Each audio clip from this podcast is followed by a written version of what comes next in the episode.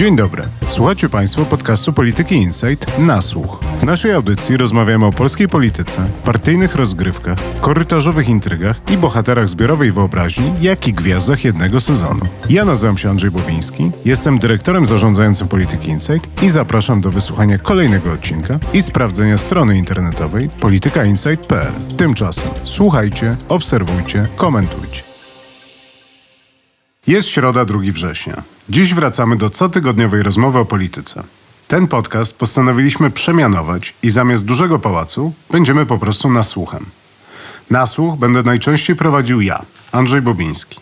Moimi gośćmi najczęściej będą Wojtek Szacki, Joanna Sawicka i Ryszard Łuczyn. Tymczasem zapraszam na rozmowę o tym, co jesień przyniesie. W pierwszej części zapytam Wojtka Szackiego o najbliższą przyszłość prawicy. Za tydzień z Joanną i Ryszardem porozmawiamy o opozycji. Zapraszam na nasłuch. Wojtku, może zacznę od pytania, jaka jest atmosfera w Zjednoczonej Prawicy? Fatalna. Powiedz więcej. No gdzieś tuż po wyborach prezydenckich zaczęło się robić bardzo nieciekawie. Ja rozmawiałem z wieloma politykami z PiSu i z Solidarnej Polski i z Porozumienia. I tam w ogóle nie było radości ze zwycięstwa, które utorowało drogę do kolejnych lat rządów. Nie było tam euforii. Natomiast zaczęło się robić jakoś tak strasznie nerwowo i mam wrażenie, że to trwa, że nic się nie poprawiło od tego czasu lipcowego, a być może nawet się pogorszyło, czego widomym znakiem są też liczne publikacje w gazetach, które zwykle świadczą o tym, że dzieje się źle. To jeszcze zanim przejdziemy do tak zwanego meritum, chciałem się ciebie zapytać, czy jesteś przekonany, że tak jest naprawdę, czy to nie jest jakiś taki teatrzyk, to znaczy, że prawica lubi, żeby o niej mówiono i że to jest próba doprowadzenia do takiej sytuacji, w której cała polityka kręci się wokół właśnie Zjednoczonej Prawicy. To znaczy, że to, co na opozycji jest nieważne, ważne jest to, co się dzieje w samej Zjednoczonej Prawicy i że możni tego świata lubią, żeby właśnie cały czas śledzić, czy to Zbigniew Ziobro teraz wygrywa z Jarosławem Kaczyńskim, czy Jarosław Kaczyński wygrywa z Jarosławem Gowinem i czy Jarosław Gowin ogrywa Zbigniewa Ziobrę. Czy to wszystko nie jest teatrzyk? Dla nas, mediów, obserwatorów, wyborców. Istnieje też teoria, że to Jarosław Kaczyński sobie wymyślił te różne konflikty, żeby się pozycjonować siebie i Mateusza Morawieckiego jako tych dobrych na tle tego gorszego, czyli Zbigniewa Ziobry i żeby się pokazać wyborcom jako ten cywilizowany fragment Zjednoczonej Prawicy, ten uśmiechający się do centrowego, bardziej umiarkowanego elektoratu. Taką tezę stawia m.in. wicenaczelny polityki Mariusz Janicki. No i to brzmi dość efektownie i nawet w pewnym sensie przekonywająco, ale ja się nie zgadzam ani z tym, co ty mówiłeś, ani z tym, co mówił i pisał Mariusz Janicki. Ja dużo rozmawiam z tymi politykami i widzę tam bardzo dużo złych emocji, złośliwości, nawet jeśli to może służyć takim celom i być może rzeczywiście Jarosław Kaczyński teraz jawi się jako ten bardziej dobrotliwy, bardziej umiarkowany polityk na tle Zbigniewa Ziobry, to oprócz tego tam się jednak kłębią emocje, jest bardzo dużo złej krwi, są sprzeczne cele, są różne ambicje. Na dłuższą metę pewnie nie do pogodzenia, chociaż oczywiście nie wiem, czy to już teraz się weźmie i rozpadnie. No dobrze, to teraz proponowałbym Ci rozmowę o takich czterech obszarach, o których sobie rozmawialiśmy poza anteną przez wakacje, kiedy nie było nas z Państwem. Są trzy takie podstawowe procesy i jeden taki metaproces, że pozwolę sobie na takie trudne słowo. Te trzy podstawowe procesy to jest rekonstrukcja rządu, równolegle wybory w samym PiSie, równolegle ofensywa legislacyjna, która nadejdzie lub nie nadejdzie, a ten metaproces to jest taka wojna o duszę prawicy, to znaczy ta wojna kulturowa i ta przepychanka o to, czym ta prawica będzie. Może wybierz sobie jeden z czterech i opowiedz o nim. To może zacznę od katalizatora wielu z tych wydarzeń, czyli z kilku źródeł dowiedziałem się, że albo tuż przed ostatecznym rozstrzygnięciem wyborów prezydenckich, albo tuż po wyborach prezydenckich, tutaj moi rozmówcy nie są zgodni w tej sprawie, odbyła się rozmowa Zbigniewa Ziobry z Jarosławem Kaczyńskim, w której Zbigniew Ziobro kolejny raz prosił większego koalicjanta o fuzję obu partii i usłyszał nie. Ta fuzja z punktu widzenia Ziobry byłaby oczywiście korzystna, no bo on przechodzi prawdopodobnie z funkcją wiceprezesa do PiSu, ma w nim na samym starcie od razu bardzo mocną pozycję, jest jedyną wyraźną frakcją, do której mogą przystępować kolejni posłowie.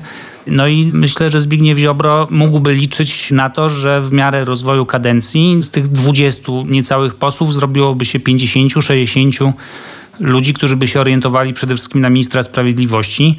No i pewnie z tych samych powodów Jarosław Kaczyński powiedział nie, mając świadomość właśnie, że Ziobro w PiSie by tylko rósł, a poza PiSem pozostaje jedynie liderem niewielkiej, niezbyt znaczącej partii. No to tym samym moim zdaniem jednak wybrałeś jeden z tych procesów, bo powiedziałbym, że to bardzo się rymuje z wyborami w PiSie. Bo to, co się wydarzy na jesieni, to jest, że PiS będzie wybierał swoje władze, co teoretycznie może doprowadzić do jakichś przetasowań, choć, tak jak rozumiem, nikt nie spodziewa się, żeby te najważniejsze figury zostały poprzestawiane.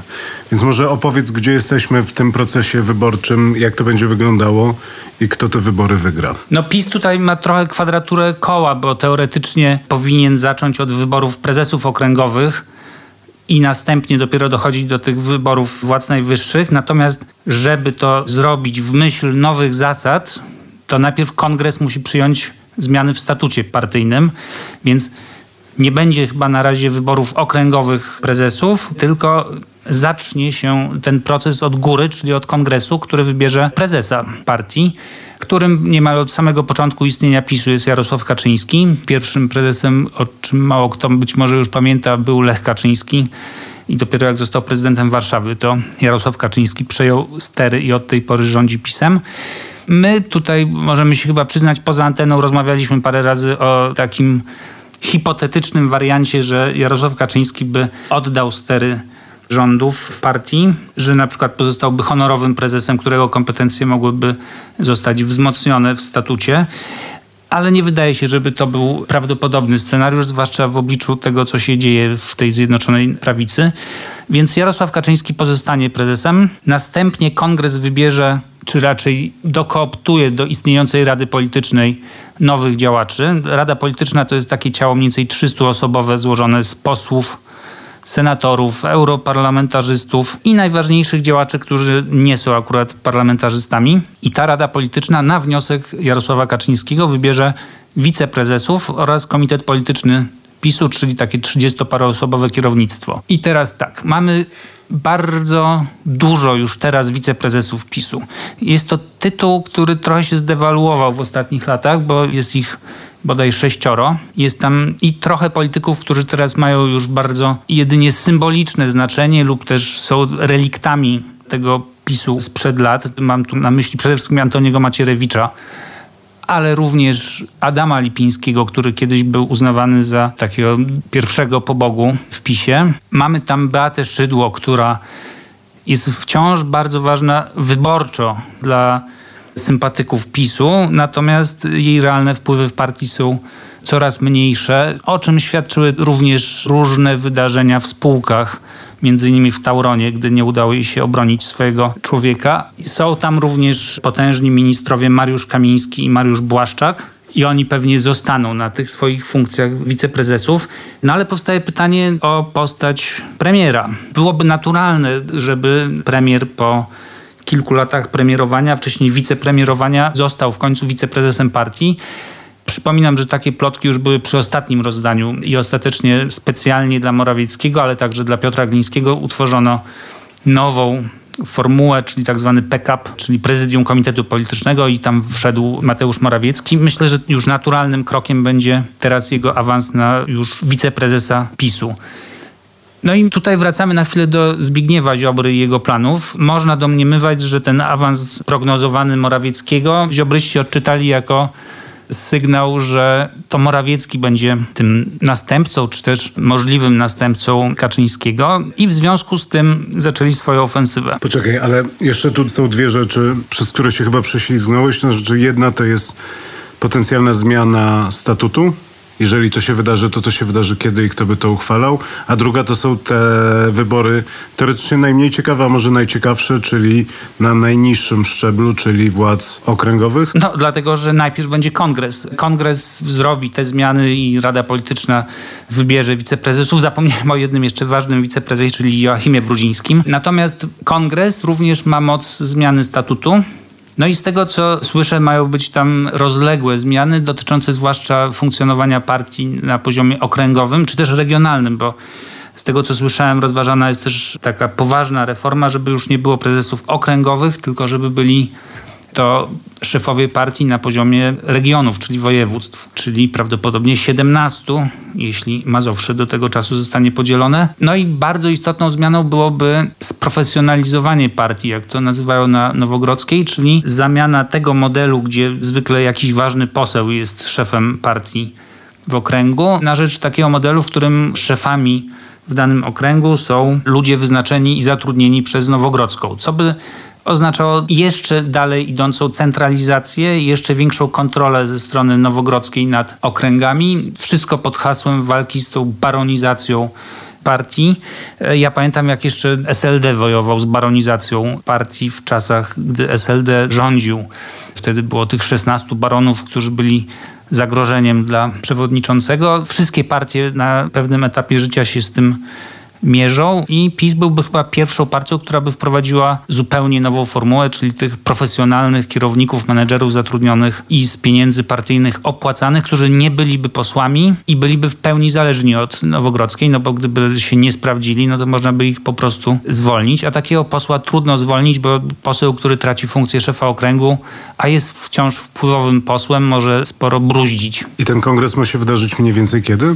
No, teoretycznie w listopadzie, z tym, że no to wszystko zależy od postępów epidemii. Jeśli nie uda się go przeprowadzić na miejscu, no to trudno sobie wyobrazić, żeby on był zdalny. Takie rzeczy raczej nie przejdą w partii Kaczyńskiego, więc wtedy byłby, no jak epidemia pozwoli. No dobrze, i teraz jeżeli do tego kongresu by doszło, to twoim zdaniem, już podsumowując, nie wchodząc w te szczegóły, które masz świetnie opanowane, co twoim zdaniem się wydarzy jak to wpłynie na układ sił w samej partii? No sądzę, że Mateusz Morawiecki stanie się wiceprezesem partii, że to będzie sygnał dla wielu działaczy, że to właśnie z Morawieckim Kaczyński wiąże nadzieję. Będzie to również pewien sygnał, myślę, co do kierunku działań PiSu w następnych latach, a co najmniej miesiącach. Rozumiem, że to, co prawdopodobnie nastąpi na tym kongresie, to będzie centralizacja, umocnienie władzy Jarosława Kaczyńskiego, jeżeli to jest możliwe, żeby jeszcze tą władzę umocnić.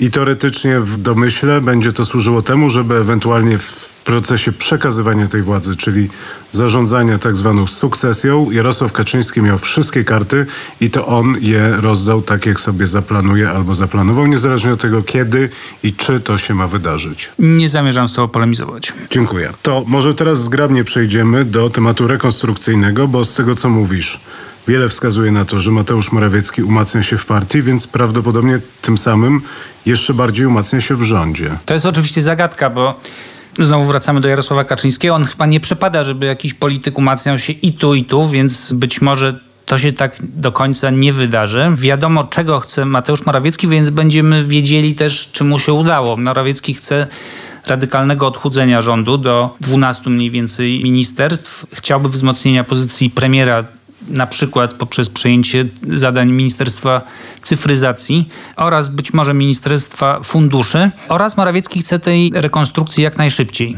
Więc im szybciej będzie rekonstrukcja i im dalej będzie idąca, tym bardziej będziemy się mogli skłaniać ku tezie, że Morawieckiego jest na górze. Ja pamiętam, była taka jeszcze chwilę temu hipoteza, że rekonstrukcja wydarzy się jeszcze w pierwszych dniach września po to, żeby przykryć start nowej Solidarności. Wydaje się, że co innego przykrywa w tym momencie start nowej Solidarności. Ale nie będziemy w to chyba wchodzili. Nie będziemy o tym porozmawiamy za tydzień. Natomiast ty się spodziewasz, że do tej rekonstrukcji dojdzie kiedy i jak myślisz, kto się wzmocni, a kto osłabnie? Jarosław Kaczyński właśnie wrócił z urlopu parę dni temu. Ostatnie zdjęcia z Pomorza Zachodniego, z Zalewu Szczecińskiego wrzucał Joachim Brudziński, który tradycyjnie jak co roku spędzał ten urlop z Jarosławem Kaczyńskim w towarzystwie innych kolegów, w tym ministra gospodarki morskiej Marka Grubarczyka, który prawdopodobnie pożegna się z funkcją ministra, chyba że sobie właśnie nad tym zalewem coś załatwił, czego nie można wykluczyć. Natomiast nie było tam Pawła Szefernakera. Ja pamiętam takie zdjęcia z lat poprzednich, jak Paweł Szefernaker siedział przy ognisku z Jarosławem Kaczyńskim, ale muszę powiedzieć, że to jest taki już nieodzowny element moich wakacji, kiedy czekam na to zdjęcie, które wrzuci Achim Brudziński, kiedy Jarosław Kaczyński jest w jakiejś Pelerynie. albo pelerynie, albo w jakimś takim mniej zobowiązującym stroju i właśnie oddaje się jakimś takim outdoorowym rozrywkom wakacyjnym. ryby, grill i tak dalej. Szefernankara rzeczywiście tam nie widziałem. Myślę, że on musi doglądać Ministerstwa Spraw Wewnętrznych. Natomiast wracając do już kształtu rekonstrukcji, no to jest kilka zagadek. Po pierwsze, nie wiadomo, czy powstanie super resort Piotra Glińskiego, który miałby się składać z obecnego Ministerstwa Kultury, ale także Ministerstwa Nauki, Ministerstwa Edukacji oraz Ministerstwa Sportu. Powstałby taki moloch, jak go niektórzy w PiS nazywają, bez większej sympatii do wicepremiera. Wiem skądinąd, że sam Gliński jest bardzo zainteresowany tym rozwiązaniem, że prawdopodobnie sprzyja mu Morawiecki. Natomiast widzę też bardzo dużo podszczypywania wicepremiera ze strony i prawicowych mediów, i prawicowych polityków, którzy w szczególności kpią z rocznicy stulecia Bitwy Warszawskiej. Centralnym punktem obchodów był koncert oraz odsłonięcie projektu znaczka pocztowego. Wszystkie ambitniejsze projekty ministrowi Glińskiemu nie wyszły. No i to jest używane jako argument, że on jednak nie powinien zarządzać czterema obecnymi ministerstwami. Nie wiem, co się wydarzy. Nie wiem, czy ten plan Glińskiego, Morawieckiego wypali. Widzę z kolei też nie najlepszą prasę ministra edukacji Dariusza Piątkowskiego. Minister nauki Wojciech Murzek z porozumienia nie ma żadnej pozycji politycznej i też, o czym za chwilę pewnie będziemy mówili więcej, nie jest pewny swojej funkcji z powodów czysto partyjnych. No i pani minister sportu, mało kto pewnie pamięta jej imię i nazwisko. Ja nie pamiętam i myślę, że wiele osób w PiSie również nie pamięta. A przynajmniej dyscyplinę sportu? Szermierka. Więc to jest jedna zagadka. Druga zagadka to jest, czy koalicjanci utrzymają drugie ministerstwa. Jarosław Kaczyński powiedział, że nie utrzymają. Ryszard Terlecki powiedział, że nie utrzymają. Natomiast tutaj doszło do sojuszu taktycznego Zbigniewa Ziobry z Jarosławem Gowinem i obaj panowie bardzo solidarnie się wspierają i bronią przed utratą tego drugiego ministerstwa, wskazując nie bez racji, że umowa koalicyjna to umowa koalicyjna. Ona mówi, że mają być dwa ministerstwa dla koalicjantów i kropka. Więc być może to jest oczywiście taktyka negocjacyjna jeśli dostaną odpowiednią liczbę wiceministrów albo spółek Skarbu Państwa, to wtedy ustąpią.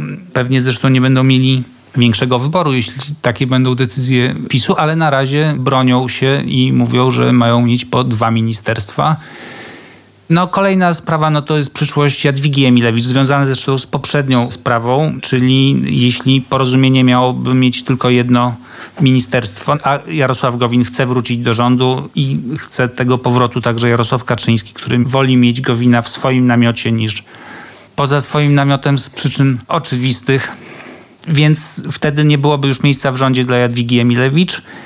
Słyszałem dwie teorie. Jedna, że szukano jej pracy w biznesie albo w dyplomacji, a druga, że miałaby być wiceministrem u Gowina i rzeczywiście zarządzać de facto tym ministerstwem, a Jarosław Gowin byłby po prostu wicepremierem. Wydaje mi się, że na początku tygodnia ona udzieliła jakiejś takiej wypowiedzi, mówiąc, że nigdzie się nie wybiera i że ma bardzo dużo zadań tutaj w kraju i musi się z nimi mierzyć. Więc nie wiem, czy to wskazuje na to wiceministrowanie, czy na jakąś inną funkcję, ale zdaje się, że Jadwiga Emilewicz z Polski nie wyjeżdża. No, to by znaczyło, że mogłaby być właśnie sekretarzem stanu u swojego partyjnego zwierzchnika. Co prawdopodobnie nie byłoby dla niej specjalnie łatwe ani przyjemne po konfliktach. Po konfliktach, ale również no, po epizodzie e, Wicepremierowania to chyba byłby jakiś bez precedensu sytuacja degradacja. z wicepremiera na wiceministra. Dalej idąc po ministerstwach, no zniknie zapewne Ministerstwo Cyfryzacji, które przejmie kancelaria premiera. Tłumaczą mi moi rozmówcy, że chodzi o to, żeby cyfryzacja miała potężnego politycznego patrona, który będzie mógł szarpnąć cuglami i zmusić do większej cyfryzacji te najpotężniejsze ministerstwa, czyli MSWiA oraz Sprawiedliwości. Wyobrażam sobie zresztą, jak Mateusz Morawiecki będzie cyfryzował resort Zbigniewa Ziobry. To myślę będzie bardzo interesujący proces. Kilka ministerstw jest jeszcze niepewnych co do swojej przyszłości. Ministerstwo Infrastruktury według najnowszych informacji ma być przyłączone do Ministerstwa Jacka Sasina, które prawdopodobnie zmieni nazwę. Ministerstwo Środowiska zostanie wchłonięte przez resort klimatu, który znowu zmieni pewnie nazwę na Ministerstwo Energii i Klimatu. Nie wiadomo, czy przetrwa w nim Michał Kurtyka. Być może tam zostanie zainstalowany jakiś po prostu działacz polityczny PiSu. To będzie bardzo istotne i potężne ministerstwo. No i nie wiem, czy tam jeszcze jakiś resorty mi się nie zagubiły po drodze. No dwa są w miarę pewne, że nie zmienią się. To znaczy Ministerstwo Spraw Zagranicznych i Ministerstwo Zdrowia. Tutaj nie przewidywałbym w najbliższym czasie jakichś większych zmian. Natomiast jest jeszcze Ministerstwo Spraw Wewnętrznych i Administracji, które wzbudzało pewne emocje w trakcie wakacji, ale rozumiem, że ty tu rozwiewasz. Chyba te emocje zostały rozmasowane i Mariusz Kamiński pozostanie ministrem koordynatorem i szefem MSWiA. Mariusz Błaszczak ma awansować na wicepremiera jeszcze z drobiazgów. Jacek Sasin nie wiadomo, czy wicepremierem pozostanie. No i to chyba tyle, tak w telegraficznym skrócie. No dobrze, to tak, podsumowując. Zakładamy, że w trakcie tej jesieni Jarosław Kaczyński podporządkuje sobie jeszcze bardziej partię i umocni swoje przywództwo. W rządzie Mateusz Morawiecki za zgodą Jarosława Kaczyńskiego umocni swoje przywództwo i zmniejszy wpływy koalicjantów prawdopodobnie. Trzeci proces, o którym chciałem porozmawiać, to jest ta ofensywa legislacyjna, która wydaje mi się, że musi jednak być jakoś tam połączona z tymi dwoma poprzednimi. To znaczy, czego ty się tutaj spodziewasz i czy uważasz, że czeka nas gorąca jesień, wiele kontrowersyjnych ustaw wzbudzających niezadowolenie, grozę, grozę w Brukseli i Waszyngtonie i gdzie indziej, czy raczej scenariusz z dużej chmury mały deszcz. Chmury idą potężne, przynajmniej jak nagrywamy ten podcast.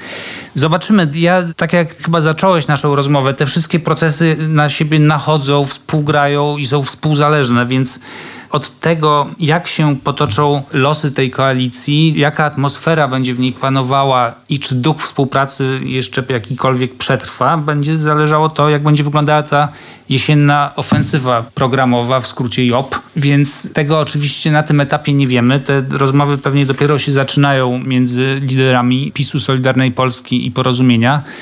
Było jakieś wstępne spotkanie jeszcze w czasie wakacji, na którym przedstawiciele tych partii powiedzieli, na czym im zależy na jakich ustawach i zobaczymy, co się wykuje. No wiadomo, że PiSowi zależy na dekoncentracji mediów, ale nie wiemy, jak ta dekoncentracja miałaby wyglądać, biorąc pod uwagę bardzo wyraźny, wyrażony wprost sprzeciw USA w postaci tweetu pani ambasador Mosbacher.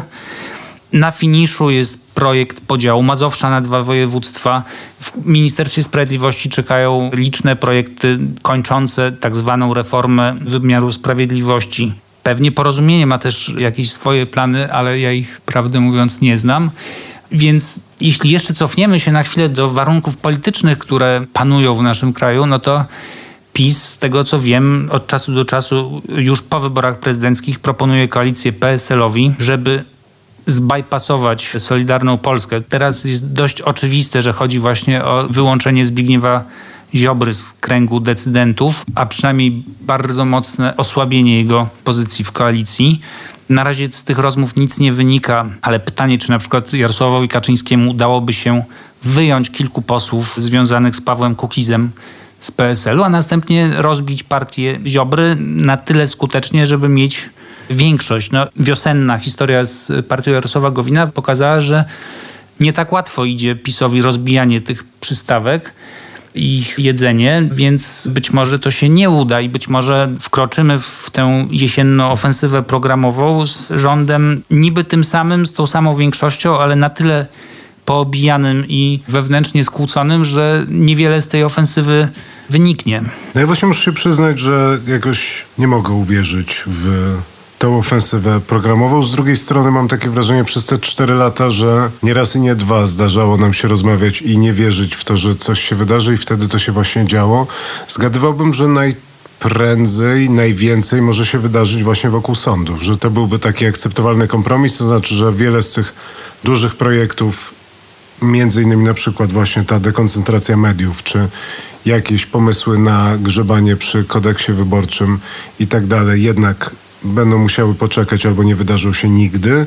Natomiast Zbigniew Ziobro dostanie wolną rękę w kwestii dalszych zmian w sądownictwie, bo to jest taki temat, który już jest poznany i już i tak i tak nikt się nie jest w stanie połapać i zorientować, co się tam dzieje, więc niech sobie tam Gmyra. Zbigniew gmyra. No, ja w ogóle słyszę nawet o dwóch ofensywach. e, Jesiennej i wiosennej. WOP! WOP. JOP i WOP. I nie wiem, co będzie w której, bo ja myślę, że z prób zmiany ordynacji wyborczej Jarosław Kaczyński nie zrezygnuje. To jest zbyt kuszące, bo to by podporządkowywało w gruncie rzeczy właśnie Ziobrę i Gowina i wyłączało ich z poważnej gry. No i uderzało w opozycję podzieloną, więc myślę, że tutaj PiS będzie dążył do uchwalenia zmian w ordynacji wyborczej, ale być może najpierw musiałby się dogadać na nowo z koalicjantami i podpisać nową umowę koalicyjną, która by gwarantowała już miejsca na listach wyborczych. Więc tutaj jest wiele zmiennych, wiele zależnych. No to może sobie ustalimy, że naszym zdaniem JOP będzie słabszy, ponieważ równolegle z tą jesienną ofensywą idą procesy czyszczenia, ogarniania i ustawiania partii i rządu. Natomiast te najbardziej kontrowersyjne pomysły, jeżeli się ostaną, to zostaną przeniesione właśnie na wiosnę i może lato, kiedy to już wszystkie podmioty będą poustawiane i ogarnięte, epidemia będzie pod kontrolą i będzie można się zająć tym, na czym Jarosławowi Kaczyńskiemu i Zjednoczonej Prawicy zależy najbardziej, czyli gryzieniu żubra. Nie wiem, bo właśnie Jarosław Kaczyński musi zrobić jednocześnie trzy ruchy, których nie można zrobić jednocześnie, ale może próbować. Więc ja spodziewam się, że jednak spróbuje zrobić te trzy ruchy naraz. Ale nie jestem pewien, czy mu się uda. I coraz częściej w rozmowach z politykami, tymi co bardziej filozoficznie nastawionymi do życia, słyszę, że no tutaj Jarosław Kaczyński dużo ryzykuje swojego autorytetu politycznego, ponieważ on zainwestował właśnie spory kapitał polityczny w te zapowiedzi dotyczące i rekonstrukcji rządu, i ofensywy jesiennej. I jeśli to się nie wydarzy, jeśli na przykład PiS skapituluje przed panią Mosbacher, no to będzie jednak polityczna porażka Jarosława Kaczyńskiego. Zresztą bardzo zabawne było, jak mniej więcej 5 minut po twicie pani Mosbacher zadzwonił do mnie poseł od Zbigniewa Ziobry i powiedział, że przecież to my nie chcemy dekoncentrować mediów, to był projekt Nowogrodzkiej, to Nowogrodzka się tym zajmuje.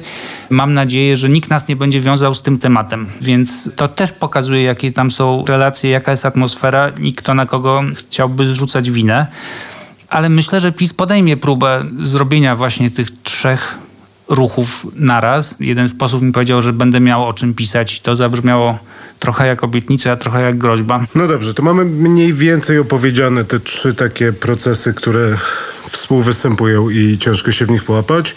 A tym nadrzędnym takim procesem, tym metaprocesem jest ta wojna o duszę prawicy. To znaczy jest ta wojna, którą powiedzmy wywołał Zbigniew Ziobro, ta wojna kulturowa, to przeciąganie liny i ustawianie prawicy albo na skraju tej sceny politycznej, albo jednak w kierunku centrum. Jakkolwiek ciężko to przez gardło przechodzi. I teraz rozumiem, że Zbigniew Ziobro i Solidarna Polska chciałyby, żeby jednak Zjednoczona Prawica coraz bardziej w tą prawą stronę ciągnęła. Z drugiej strony są głosy z Nowogrodzkiej, nie wiem na ile to są głosy związane z Jarosławem Kaczyńskim, które mówią, że trzeba się otwierać na młodych, trzeba hodować sobie nowych wyborców, że wynik wyborczy Andrzeja Dudy był bardzo dobry, imponujący i tak dalej, ale jednak nie gwarantuje kolejnych wygranych w następnych latach, ponieważ elektorat się starzeje, a może nawet wymiera, natomiast młodzi ludzie się od Zjednoczonej Prawicy odwracają i że trzeba szukać gdzie indziej poparcia.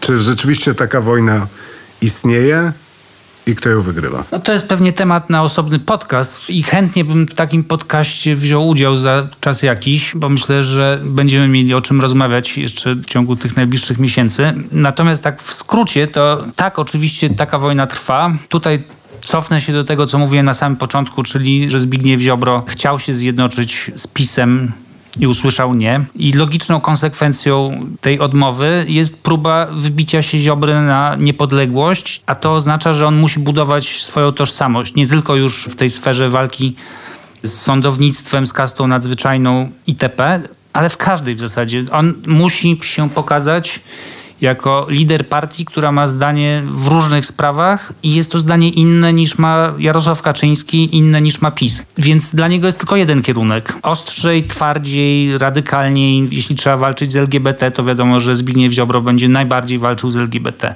Jeśli trzeba walczyć z Unią Europejską, jeśli trzeba bronić palenia węglem, wiadomo, że Solidarna Polska będzie najbardziej paliła tym węglem. Jeśli mamy do czynienia z kuratorem, który mówi jakieś brednie i jest zwalniany, no to wiadomo, że Zbigniew Ziobro będzie go bronił niezależnie od faktów, bo podobno został zwolniony za coś zupełnie innego. Jeśli mamy konwencję stambulską, to Zbigniew Ziobro chce jej wypowiedzenia. Tutaj Mateusz Morawiecki go oprzedł i skierował ją do Trybunału Konstytucyjnego.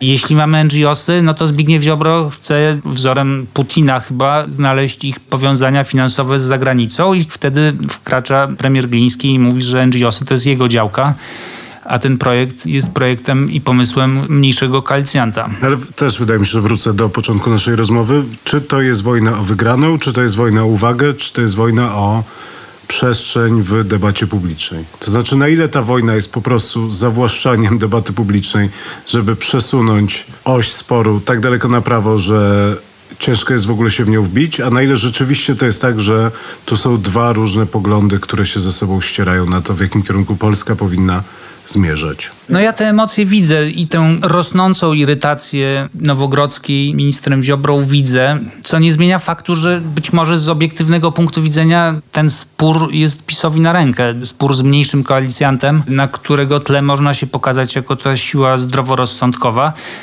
Natomiast myślę, że Ziobro robi coś, czego nie robił do tej pory, czyli on wychodzi sam do mediów. On był i w Radiu Maryja, i w Polsat News, i w Rzeczpospolitej jest wycinany z telewizji polskiej. On i jego ludzie. Ktoś z Nowogrodzkiej mi powiedział, że jednym z warunków powrotu Jacka Kurskiego na fotel prezesa TVP było zaprzestanie promowania polityków Solidarnej Polski. I rzeczywiście oni przestali się tam pojawiać. Onet to zbadał i przez ostatni miesiąc oni praktycznie zostali wycięci, a wcześniej byli praktycznie w każdym wydaniu politycznego pasma w TVP Info. Ziobro jest w niełasce u Jarosława Kaczyńskiego, kropka. Natomiast to, czy ten konflikt służy PiSowi, czy nie, to jest odrębna historia. Oczywiście wszystko zależy od tego, jak to się skończy i czy Zjednoczona Prawica pozostanie zjednoczona po tym konflikcie. No, ziobryści mają swoje racje. Oni mówią, że jak Zjednoczona Prawica była ideowym monolitem w wyborach europejskich, to wtedy Konfederacja nie przekroczyła progu a gdy tylko Mateusz Morawiecki zaczął być twarzą PiSu w wyborach parlamentarnych, to Konfederacja wskoczyła do Sejmu i ktoś z tych ziobrystów ironizował, że jedyne co wyszło Morawieckiemu w jego karierze politycznej to sukces Konfederacji. I te emocje są prawdziwe.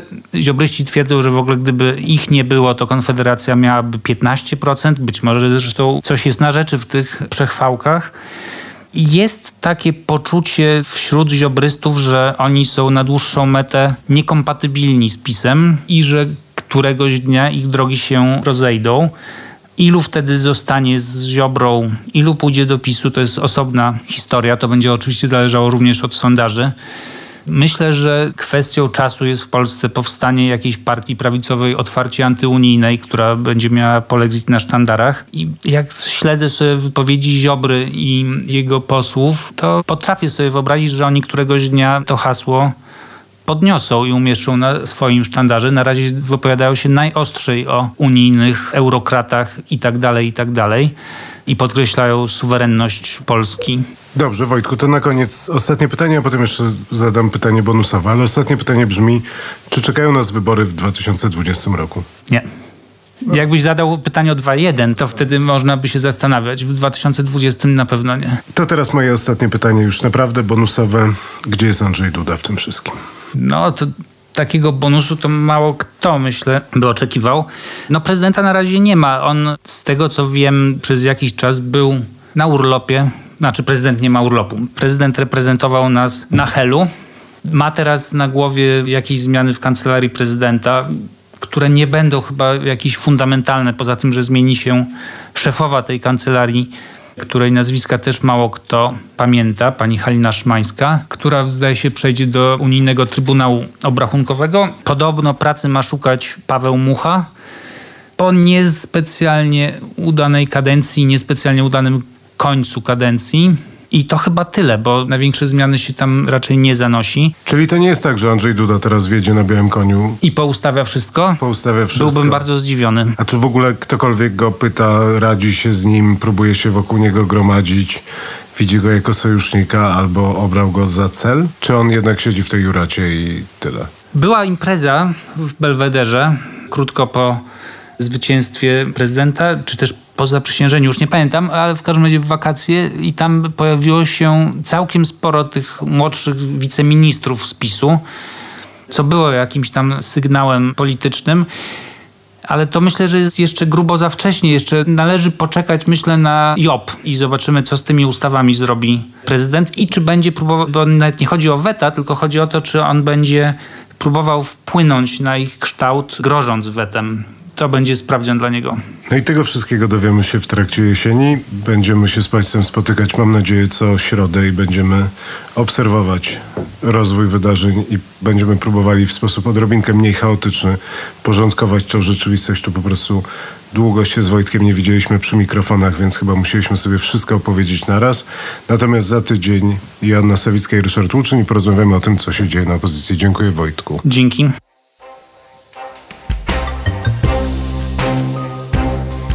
Na dziś to wszystko. Zapraszam w przyszłym tygodniu na kolejny odcinek na słuchu. Posłuchajcie również innych naszych podcastów, które znajdziecie w większości serwisów podcastowych. W pole wyszukiwania wpiszcie po prostu Polityka Insight. Słuchajcie, obserwujcie i komentujcie. Do usłyszenia.